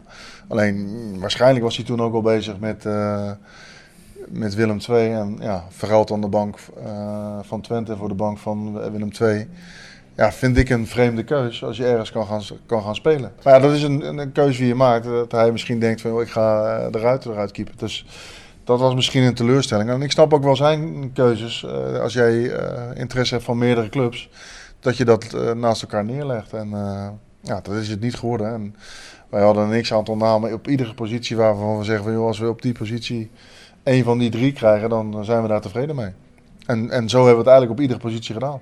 Wat ik wel opvallend vond, eh, je hebt de meeste spelers die hebben een contract voor twee jaar gekregen. Ja. Was Serrarens één met een optie voor één Ja. en Valkenburg één. Hoezo, wat is daar de, de reden van? Ehm, dat is, kijk, je hebt ook te maken. Kijk, ehm, je kan wel heel veel babbels hebben als club van we willen je lang vastleggen, want anders eh, kom je niet. Maar ja, ook vanaf de andere kant hebben spelers toch ook wel dat ze zeggen: ja, ik wil eerst zien of het bevalt en eh, of, je, of we inderdaad in de top gaan spelen. En kijk, ehm, Erik is op een leeftijd dat je van jaar tot jaar, vind ik, moet kijken van Ja, eh, hoe, goed, hoe, goed, hoe goed ben je nog. Met Fabian is het anders en eh, hebben we dat op deze manier eh, afgesproken om eh, met- een optie in het contract te werken. Duidelijk. Ja. Een vraag die ook vaker terugkomt, in hoeverre heeft het kunstgras nog in de weg gezeten bij het aantrekken van spelers?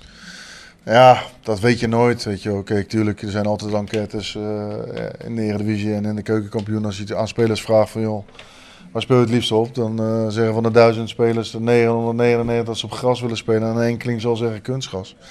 Dat speelt wellicht mee. En eh, het andere verhaal wat ik net zei, het verhuizen, kan eh, voor sommige spelers ook een ding zijn om, om, om het niet te doen. En om te kiezen voor een club wat dichterbij in de buurt. En natuurlijk, eh, Roda is een hele mooie club in de keukenkampioen. Maar er zijn meer mooie clubs eh, in de keukenkampioen. Alleen dat zullen de mensen hier niet graag eh, willen horen. Nee, dat zijn En- enkele clubs. En, va- en vaak maken jongens keuzes. En daar- daar horen dat soort dingen bij. Wat denk je dat die mensen zich realiseren waar ze hier zitten? Dat is een beetje buiten. Dat is toch ook een beetje Kees buiten kwam hier naar binnen vorige week en die loopt hier achter naar buiten en die heeft zeker vijf minuten gezegd, ah joh, het is toch mooi, dat hoe mooi is dit dan? Ja. Dus eh, ik had zoiets van ja, ja, die zei naar de rand van ja, het voelt wel een beetje als buitenland, een beetje Frankrijk of zo, Ja. zei hij. Ja, dus ik vraag me af of mensen dan alleen maar denken, ja, Kerkrade, die club die eh, de laatste drie, vier jaar een beetje afgezakt is. Ah, oké, we zijn al langer aan het zakken, hè, maar waar al die poppenkast was vorig jaar, de Duitse grens. Maar volgens mij begrijpen lui niet dat het toch een klein Nee, beetje vakantie is ook. Ja, hè. zeker. Dus, Ja, eh, want Luc Spiegels, die zegt ook, prima idee om Jeffrey uit te nodigen voor de podcast. Jeffrey is een geboren randstedeling die nu in Parkstad is beland. Ja, Maastricht eigenlijk hè. Hij zegt ja, Jeffrey kent beide culturen en heeft gekozen voor Zuid-Limburg. De vraag die mij dan bezighoudt. Welke onderscheidende eigenschap van de Limburger spreekt Jeffrey het meest aan en heeft een rol gespeeld in zijn beslissing om voor Roda te kiezen? Nou, kijk, ik, eh, ik heb tot mijn twintigste in Leiden gewoond, waar ik ben opgegroeid. En eh, daarna ben ik gaan voetballen. eh, bij MVV heb ik vier jaar in Maastricht gewoond. Toen ben ik bij NAC gaan voetballen. En eh, in mijn nadagen dat ik bij ADO heb gezeten, ben ik blijven wonen in Breda. Eh, toen ben ik weer even terug geweest eh, in het westen van het land. En daarna ben ik iemand tegengekomen die ik heel erg leuk vond, waar ik mee ben gaan samenwonen in Maastricht. Dus vanaf 2010 woon ik weer in Maastricht en was mijn werk in Breda en in Den Haag.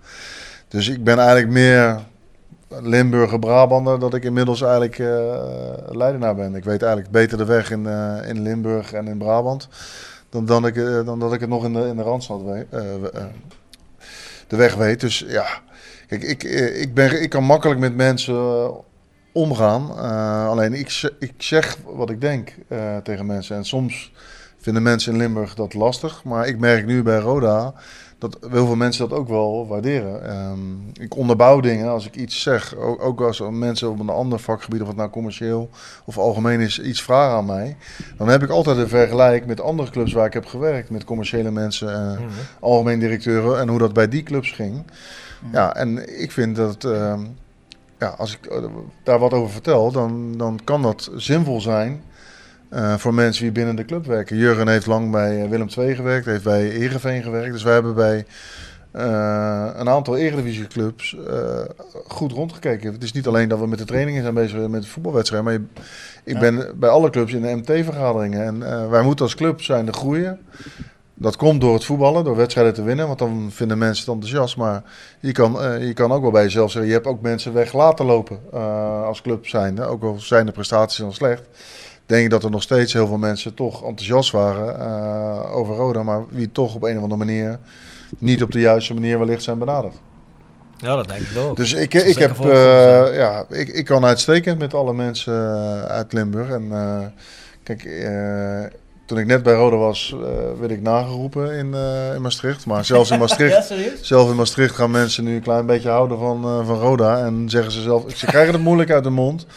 Weet je- dat, we, weet je het dat zeker? we op een goede manier bezig zijn. Eh, dat, dat, dat zien ze eigenlijk overal.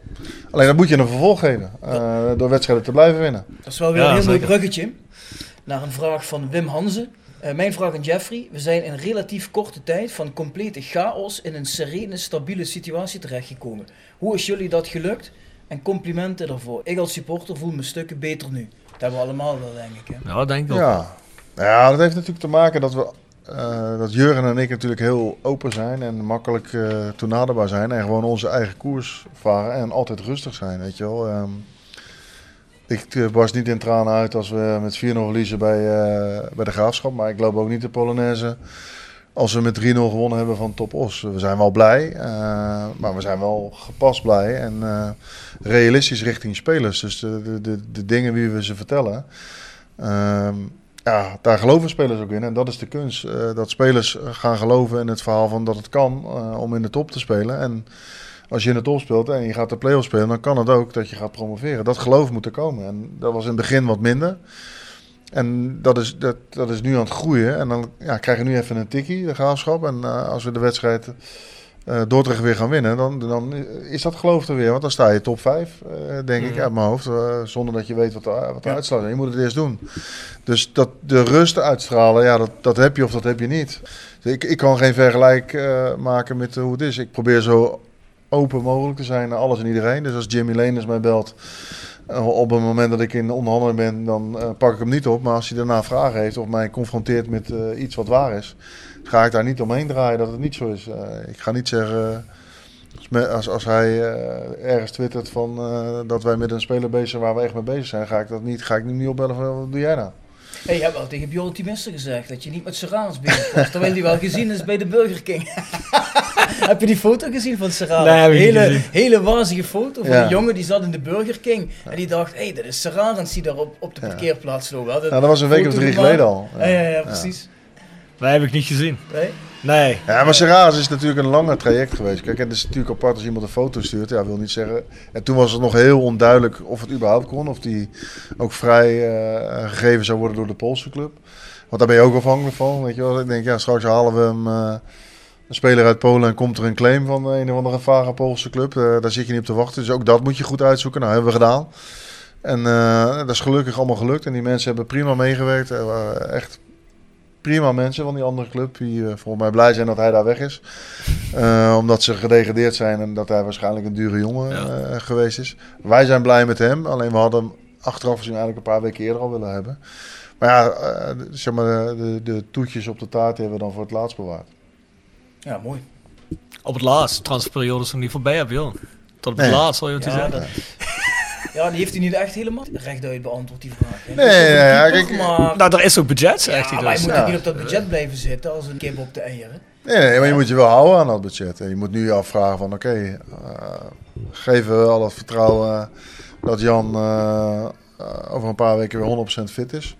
Of voeren we nog een, eh, een keeper toe omdat we daar heel krap eh, zitten? Maar ben je dan alleen aan het denken aan keepers of ben je ook nog aan het kijken naar wat anders? Bijvoorbeeld, eh, weet ik veel, eh Controleur.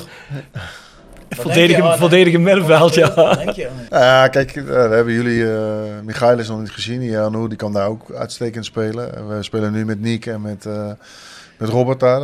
Die doen het prima. Eh Nicky kan daar spelen. Dus ook op die Klopt. posities zijn we, Ja, zijn we, zijn we dubbel bezet. Ehm, dus ja, in principe is dat niet eh, noodzakelijk. Denk je niet wel eens zo aan 5 oktober? Meestal die allerlaatste transferdag. Dan moeten spelers nog bij clubs weg. Dan willen ze die, die, die Ja. weg hebben. En dan valt af en toe nog wel een leuke Ja, speler. en daarom zeg ik, weet je wel, daarom moet je dat nooit uitsluiten. Als je eh, iemand kan toevoegen waarvan je zegt, veel, die heeft kwaliteiten die we nog niet hebben in de selectie. Dan gaan we dat 100% zeker doen. Hou je van zoiets dan ook het, toch een beetje dat je nu denkt van, ah, hou dat liever in de pocket tot dan. Zodat je dan toch nog kunt toeslaan. Want er zal sowieso mensen ergens buiten de boot vallen. Ik bedoel, Ja. we zijn een aantal weken bezig met Eredivisie en Eerste Divisie dan. Dan gaat iemand ergens buiten de boot vallen of misschien denkt, godverdomme, dat ga ik even proberen te doen voor middernacht. Zou kunnen. Je, je hoeft verder niks te zeggen, maar heb je nu al iets op het oog waarvan je denkt, die zal er wel eens buiten kunnen vallen? Dan hou ik het geld voor de. Nee, ja, we kijken natuurlijk wel. eh Ja, mee- het niet over keeper, hè? We kijken, nee, nee, nee, we kijken wel mee wat er bij, eh, bij de Eredivisieclubs eh gebeurt natuurlijk met, met spelers. Ja. En eh, ja, die zijn nu één wedstrijd onderweg. En eh, ik denk als je straks twee, drie wedstrijden ver bent, dat er ook wel spelers ontevreden worden als die twee, drie keer niet, niet, eh, niet gespeeld hebben. Maar eh, het is Ja. niet specifiek iemand dat ik zeg van nou, de, die, Veel- gaan, die gaan we morgen halen. Veel supporters die dachten op een gegeven moment, geloof ik, denk vorige week, dat Sidney van Hooijdonk wel naar Roda zou komen. Is dat nog een eh, optie geweest? Nee. Waarom door de NAC-connectie? Ja. Nee, omdat hij zei van ik wil daar weg. En op een gegeven moment ging ook dat Ah, je wilde van, ook weg. weg. Ja, toen werd de link gelegd van dan zal hij wel naar Roda gaan. Nou, we hebben het al bij Studio Voetbal. Pierre van Nooijdonk die allemaal opmerkingen gaat maken over Roda ook nog. Kom op, bij. Laat hem wel. Ja, Ja, we niet op ja, we hebben het we nooit niet. over uh, Sidney van Hooijdonk eh, gehad. Dus dat is eh broodje aap. Misschien voor de mensen die flink twitteren, er gaat nu weer een nieuw gerucht dat Roda Ali El Messaoudi van Groningen zou willen huren. Is wel een goede speler. Ja, is zeker een goede speler. hè. Ja, voor de mensen die, ja, die kunnen niet naar het gezichtsuitdrukking van Jeffrey kijken. Hij, Maar heel even, is Hij dat, is, twinkelt, zijn maar met, met twinkelen. Groningen, is dat de Mark-Jan Flederis connectie nog van vroeger? Of tussen Ja, jou, ik moet de- zeggen, Mark-Jan en ik, die, eh, in, eh, al Zal die jaren, dat een warm hart in al die jaren dat ik eh, zeg maar, in het voetballerij werk en hij ook, eh, uitstekende band. Nou ja, zijn schilderij hangt nog eh, eh, in het stadion. En het, als het dan stroef ging, dan dreigde ik van om dat eh, schilderij ondersteboven te hangen of eh, ergens anders te laten.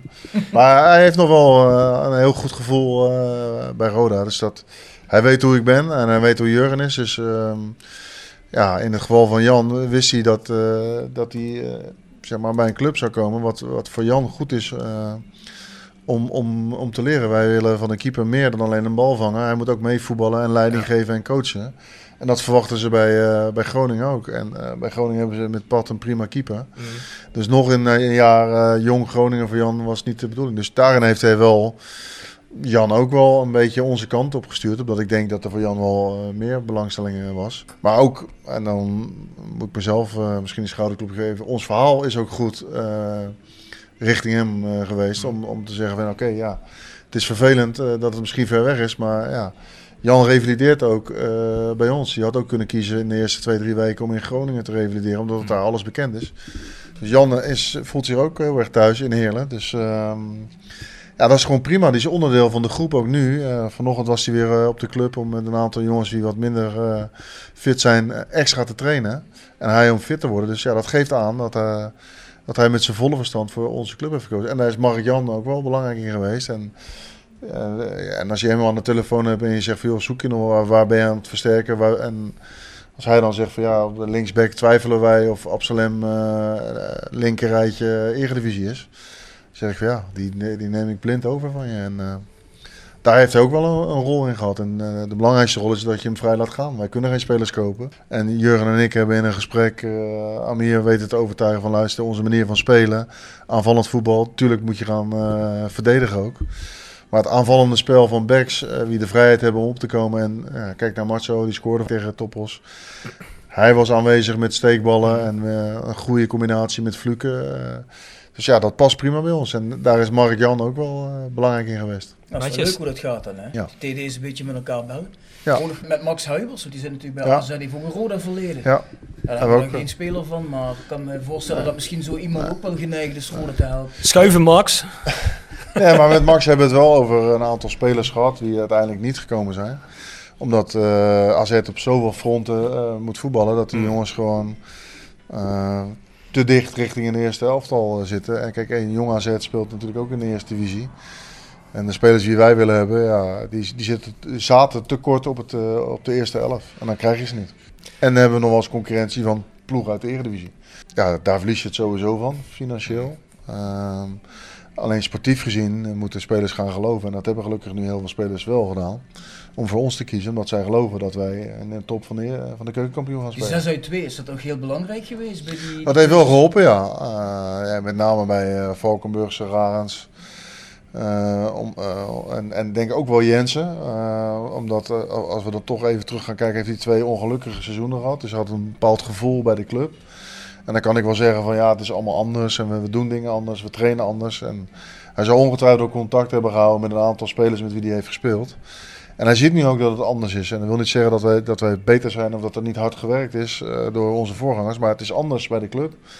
En op het juiste moment heb ik hem een. eh, ik zag zijn broer invallen met, eh met Finse elftal. En toen stuurde ik hem een app van ja, je broer valt in bij Finland. En, en jij zit thuis. Je hebt geen club, zie ik. Dus je bent nog steeds welkom eh, bij Roda. Omdat wij op, ja, centraal achterin eh, met Sander en met Kees. En dan Leslie, wie aan het begin van zijn carrière staat. Ja, kwetsbaar waren. En ik zeg, en we, we willen je graag erbij hebben. En toen stuurde gelijk een appje terug van ja, je- ik denk dat je gelijk hebt. Ik, eh, ik ga mijn ticket boeken en eh, we komen eruit. Oh. En eh, op zondagavond zat hij in het vliegtuig en eh, maandag eh, werd hij gekeurd en maandagavond was het eh, geregeld. Heel snel gaan Ja, ja. Dat was je gemakkelijkste onderhandeling Ja, dan, hè? zeker. zeker. Mooi. Wel mooi hoe dat gaat, hè? Ja. Hey, voor de volgende vraag, hè, denk je dat eh, Jeffrey van muziek houdt? Denk het wel, hè? Ja, Jeffrey houdt wel van muziek. The Sound of Calhei. Gepresenteerd door www.gsrmusic.com voor muziek en exclusieve merch van Born From Pain, Madball, Death Before Dishonor, Archangel en nog veel meer. Ga naar www.gsrmusic.com.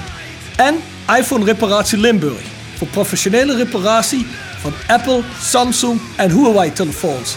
Wouderpad 7 te Beek. We hebben een nieuwe rubriek, Jeffrey. The Sound of Calais. Dan voegen we elke keer een song van een gast toe aan onze Spotify-playlist.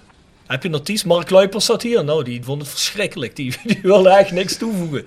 Maar, Ja, ik, eh, kijk, tuurlijk, ik, ik hou van alle, eh, allerlei soorten muziek. Alleen het enige wat ik doe eigenlijk eh, is alleen maar voetballen kijken. en de zit je muziek. nooit in de auto en luister je muziek? Ja, dat wel. Maar ik heb niet een, eh, een, een favoriete artiest. Het is heel Heb je saai. niks? Ja, ik hou van eh, oude muziek. Kijk, ik eh, ben door mijn ouders en door mijn oma's vroeger opgevoed met eh Fats Domino, Bill Haley. Dat- dat soort muziek. Ja. En, eh, Lekker. dat vind, dat, dat vind ik leuk. Eh, De muziek van vroeger eh, vind ik leuk om naar te luisteren. En natuurlijk, eh, Nederlandstalige muziek, weet je, of de muziek die spelers tegenwoordig draaien of mijn, mijn kinderen draaien. Ik vind alles best. Ja. Maar ik ben opgegroeid met, met de oude klassiekers, Elvis en, en dat soort artiesten. Dat, eh, als klein jochie. Dan noemen ze een song die je toen te gek vond. Ja, Fats Domino. Ja, dat dat, dat is het nummer wat het meest in mijn gedachten zit. Welk nummer is dat? Ja, ik, de, de titel kan ik je niet noemen, maar het, bekendste nummer van Fats Domino moet jij weten als muziekkenner. Ja, ik zit een beetje aan de andere kant van de muziekspectrum. maar ik luister ook wel Fats Domino, maar ik ken niet zijn songs, maar dat komt goed. Fats komt Domino. Die Grootste hit van Fats Domino. Ja. Die pakt er uit. Nou, we hebben een heel veelzijdige lijst hoor. Van André Hazes tot, Oh, ja. tot House en weet ik veel wat allemaal. Er zit van alles in hoor. Je wil niet weten wat gas hier soms weer te proppen komen hoor. Ja. Maar doe maar een klassieker, een oude klassieker van Fats. Fats Domino, doen we. Doen we. Of Elvis, mag voor mij ook. Ja. Maar ik, ben, wel- ik, ik ben wel qua muziek van, van eh, liever van wat langer geleden. Ja, mooi. Ja, we horen van Kees dat Jensen ook al van die 70 jaar muziek draait terwijl de jongen best Ja. jong is. Ja. Jensen en Goppie speelt de house. Hè? Ja, ja. Hoppie is de DJ volgens mij in, eh, in de kleedkamer. Hey, vind jij nou als TD, je noemt Sergio Pat, ik hoorde gisteren ergens op een podcast dat Emma had geprobeerd Sergio Pat een contract aan te bieden en dat soort dingen. Zo eigenlijk wel ruig. hè. Dat is eigenlijk wel zo'n club die eigenlijk gewoon denkt van ja, kom, ga het doen. Elk seizoen dat we erin blijven is een bonus. Dus eh, heb, je, Ja, heb je respect ja, voor zoiets? Of hoe kijk je naar zo'n club? Ik verbaas me daar wel over hoe snel dat gaat bij, eh bij Emmen. Want voor mij is dat nu een derde jaar eh, in de eredivisie. En eh, Dankzij kijk, ons. ook de, de gasten, die, die jongens die ze hebben uit Peru, dat is allemaal buiten EU. En die zijn ouder dan, dan 20 jaar. Ja, daar zijn regels voor in Nederland. Dat zijn gewoon eh 400.000 plus salarissen die zij dan aan die spelers moeten betalen. Anders krijg je geen... eh, eh, ben je niet speelgerechtig in Ja. Nederland. En ja, ik vind dat toch behoorlijke bedragen. Dat Of is een- dit een belastingsdrama waiting to happen? eh? Nee. Kijk, het zijn ook goede spelers. Ik denk wel dat ze ook dat soort spelers ooit, ooit zullen gaan. ja, blijkbaar wel. Zit er al een of andere grote sponsor waar we niks van weten? Of? Ja, het stadion zit vol, maar dat is nu natuurlijk ook lastig bij dat soort clubs. Maar ja, zij doen toch dat soort dingen. en, en kijk, de, de afgelopen twee seizoenen heb ik met ADO twee keer uit bij Emmen echt klop gekregen. En ik moet zeggen, toen zaten de stadions vol. Hoe ze dat daar allemaal geregeld hebben. eh, Kijk, dat is gewoon tegenwoordig. Als je dat vijf jaar geleden had gezegd van Emmen wordt een gerenommeerde eredivisieclub, had, je, had iedereen gaan lachen. Maar dat zijn ze nu wel. Kijk, ehm, Ja, ik ik, weet, elke- ik weet dat de mensen van Roda het, het, eh, wellicht misschien niet zo hebben op Fortuna Sittard. Maar Rienstra, eh, Seuntjes, Polter, eh, dat soort jongens, dat zijn geen verkeerde aankopen. Tuurlijk. En tuurlijk, eh, ze, ze verliezen dan uit bij Twente, wat een hele lastige uitwedstrijd is.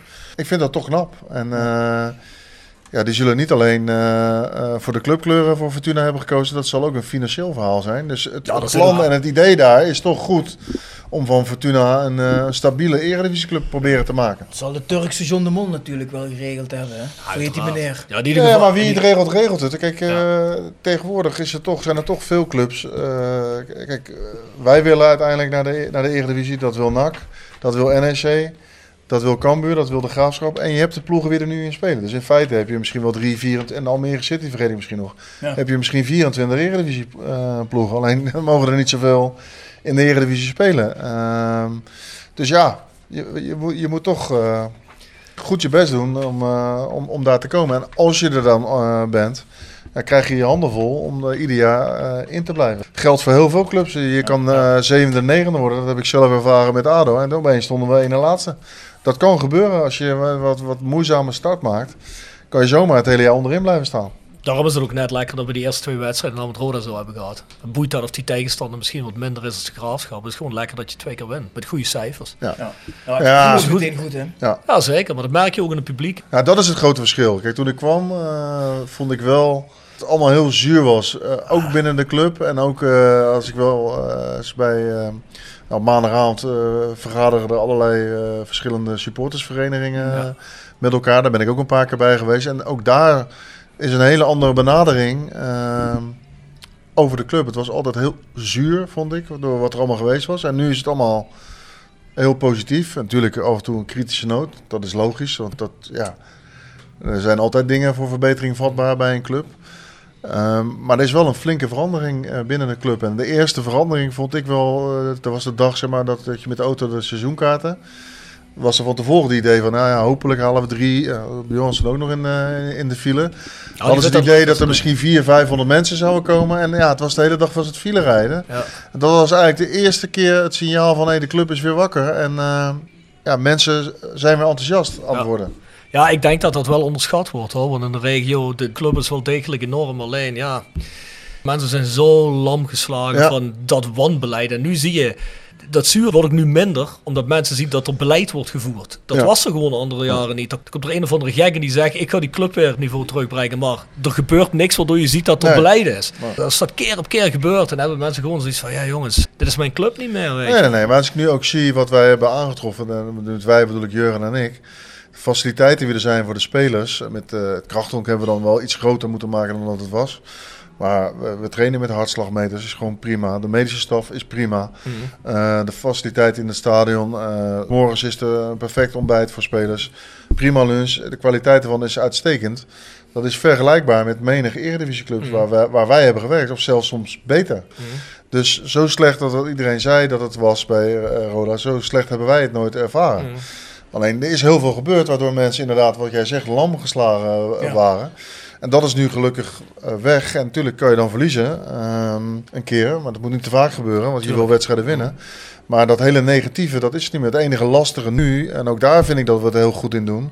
is eh, dat je op een gezonde manier de mensen in het stadion krijgt. Ik bedoel, de wedstrijd tegen Topos, waar bijna 4000 mensen dan zijn... En hoe dat geregeld is eh, binnen in het gebouw en op de tribunes, hoe mensen zich gedragen en aan de regels houden. Tuurlijk, eh, er er werd gezongen en eh, geklapt, maar wel op een, op een nette manier. denk ik dat wij ook daarin wel een voorbeeld zijn voor Nederland, hoe we dat, hoe we dat regelen. En dat, dat eiste eh, de gemeente ook. En ik heb ook heel veel gesprekken met de gemeente over Kaalheide. En eh, in het begin was het ook een beetje wantrouwend.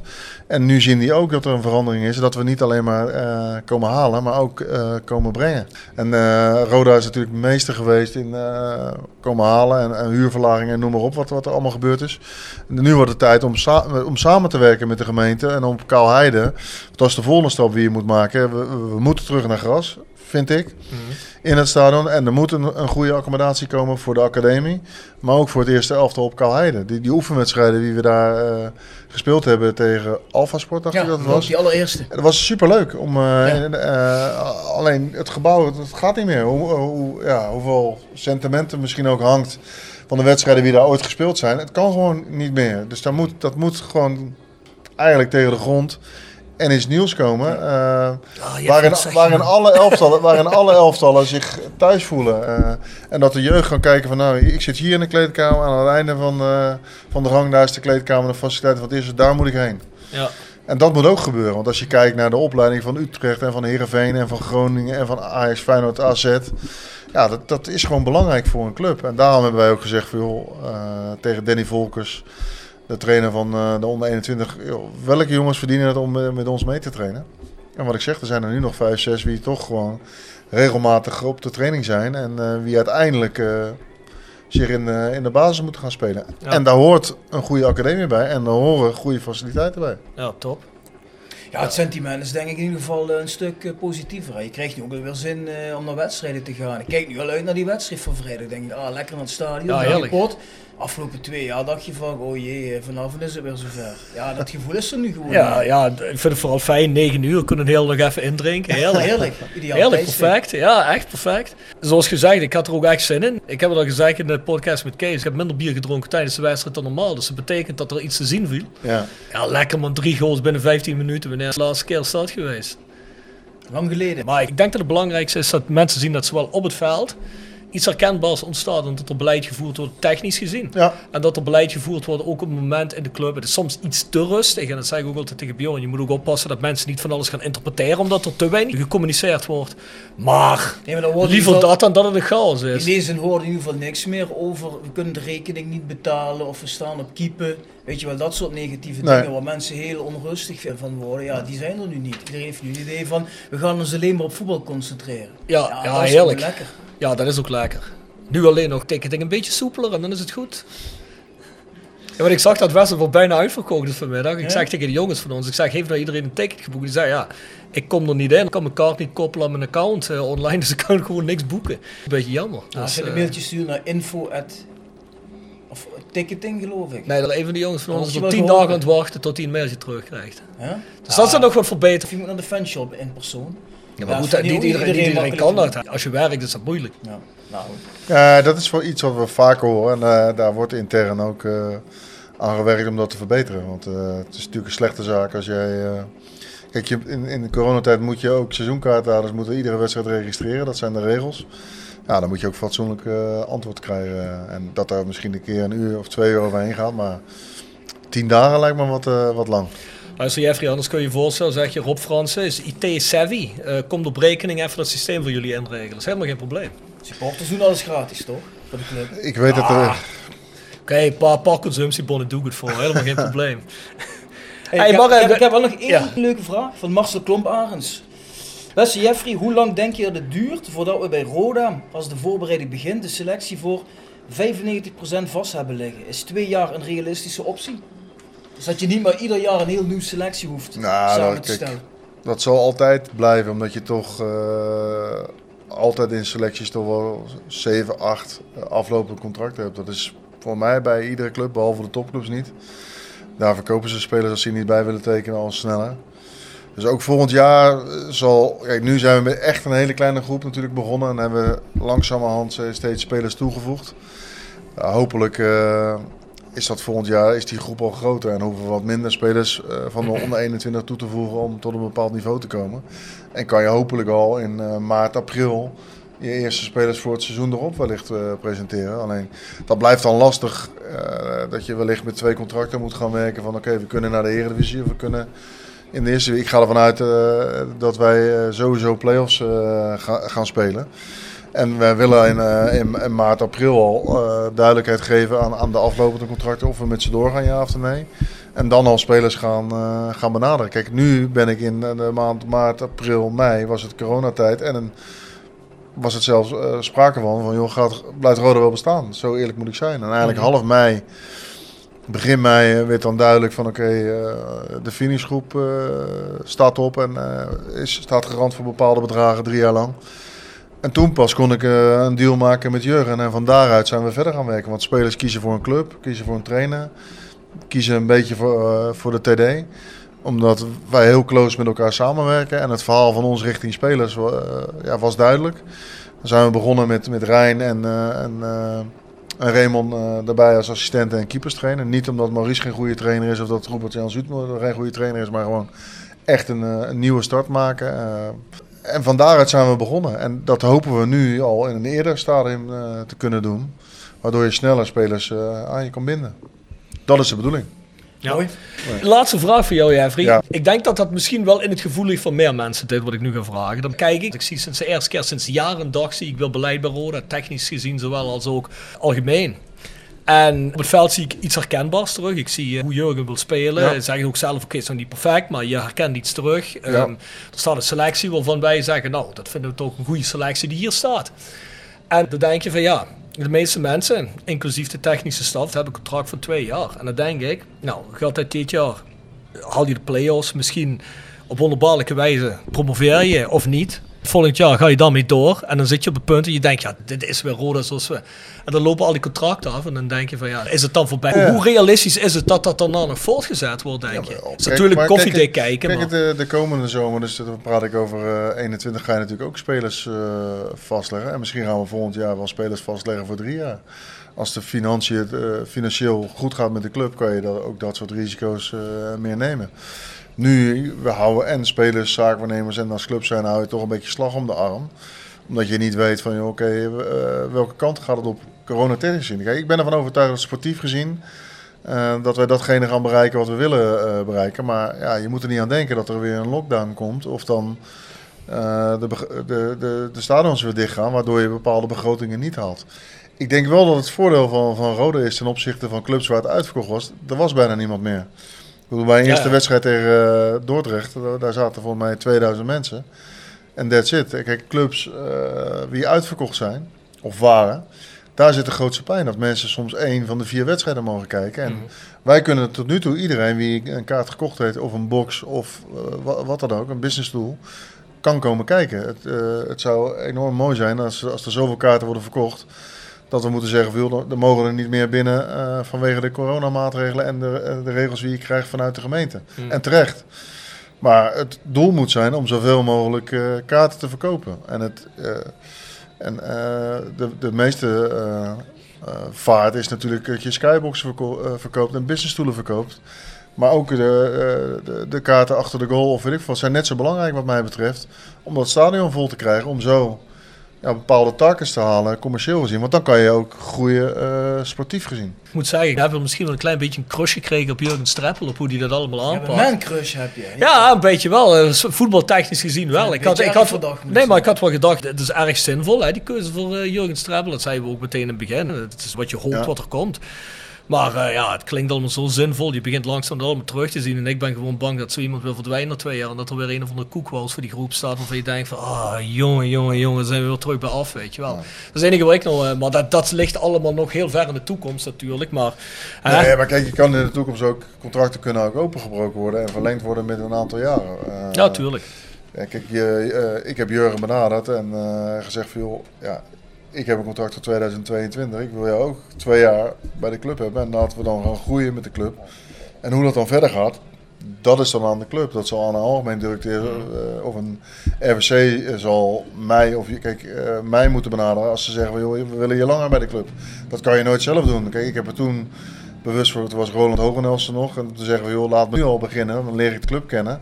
Mm. Laat me voor uh, twee jaar en, en vier maanden tekenen, dat ik die vier maanden kan gebruiken om de club te leren kennen. Toen was er nog geen corona en opeens is de corona. Leer je de club nog niet echt kennen. Ja, je leert de club kennen uh, doordat je één, twee keer in de week vergadert met, uh, met, met Karel, de algemeen directeur, met Guido, met Nancy en met Pascal.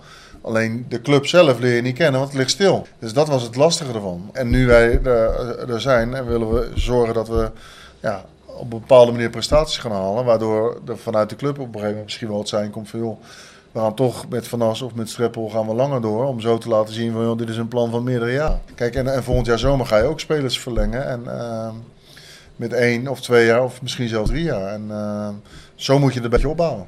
Ja, ik vind toch, het klinkt misschien heel simpel, maar daar hebben we het al vaker over gehad. Je ziet nu, Roda heeft een TD aangesteld die ook in de Eredivisie gewerkt heeft. Een trainer die ook in de Eredivisie ja. gewerkt heeft. En opeens zie je ook hele ja, logische beslissingen genomen worden. Ja. Goede beslissingen. Ja, het een hangt toch met het ander samen, denk ik.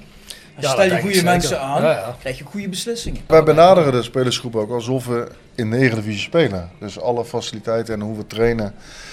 Stel dat het ons lukt om te promoveren, zal er niet een verandering komen ehm, in hoe we trainen en hoe we willen spelen. Tuurlijk, eh, als je in de Eredivisie speelt en je speelt eh, uit tegen Ajax of PSV, zou zou het iets anders moeten doen. Dan zou je niet met 40, 50 meter in je, in je, in je rug gaan spelen.